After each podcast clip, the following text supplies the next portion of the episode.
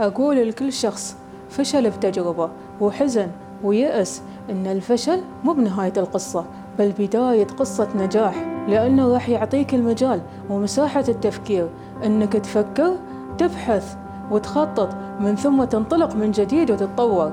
الفشل هو إيجابي بحد ذاته لأنه راح يدفعك لتخوض تحديات وتقابل فرص. لما تتجاوزها بتكون هذه اللحظة هي بداية قصة نجاح والفشل. كذلك راح يولد في أعماقك الدافع والحماس اللي يخليك تكتب تفاصيل رحلة عنوانها إيجابية شعورك وفكرك. ومحركها همة قلبك وعزيمة أفعالك وترسم لنفسك خط مسير جديد يوصلك لتحقيق أهدافك وطموحاتك. فإذا فشلت بتجربة لا تحزن ولا تيأس ولا تتخلى عن المحاولة من أول فشل. بل حاول ولو كثرت مرات الفشل حاول ولو كانت كل الظروف ضدك بعد حاول. وردد في داخلك أنا قوي وراح أثبت وأخوض التحديات وأتغلب عليها لأني قوي.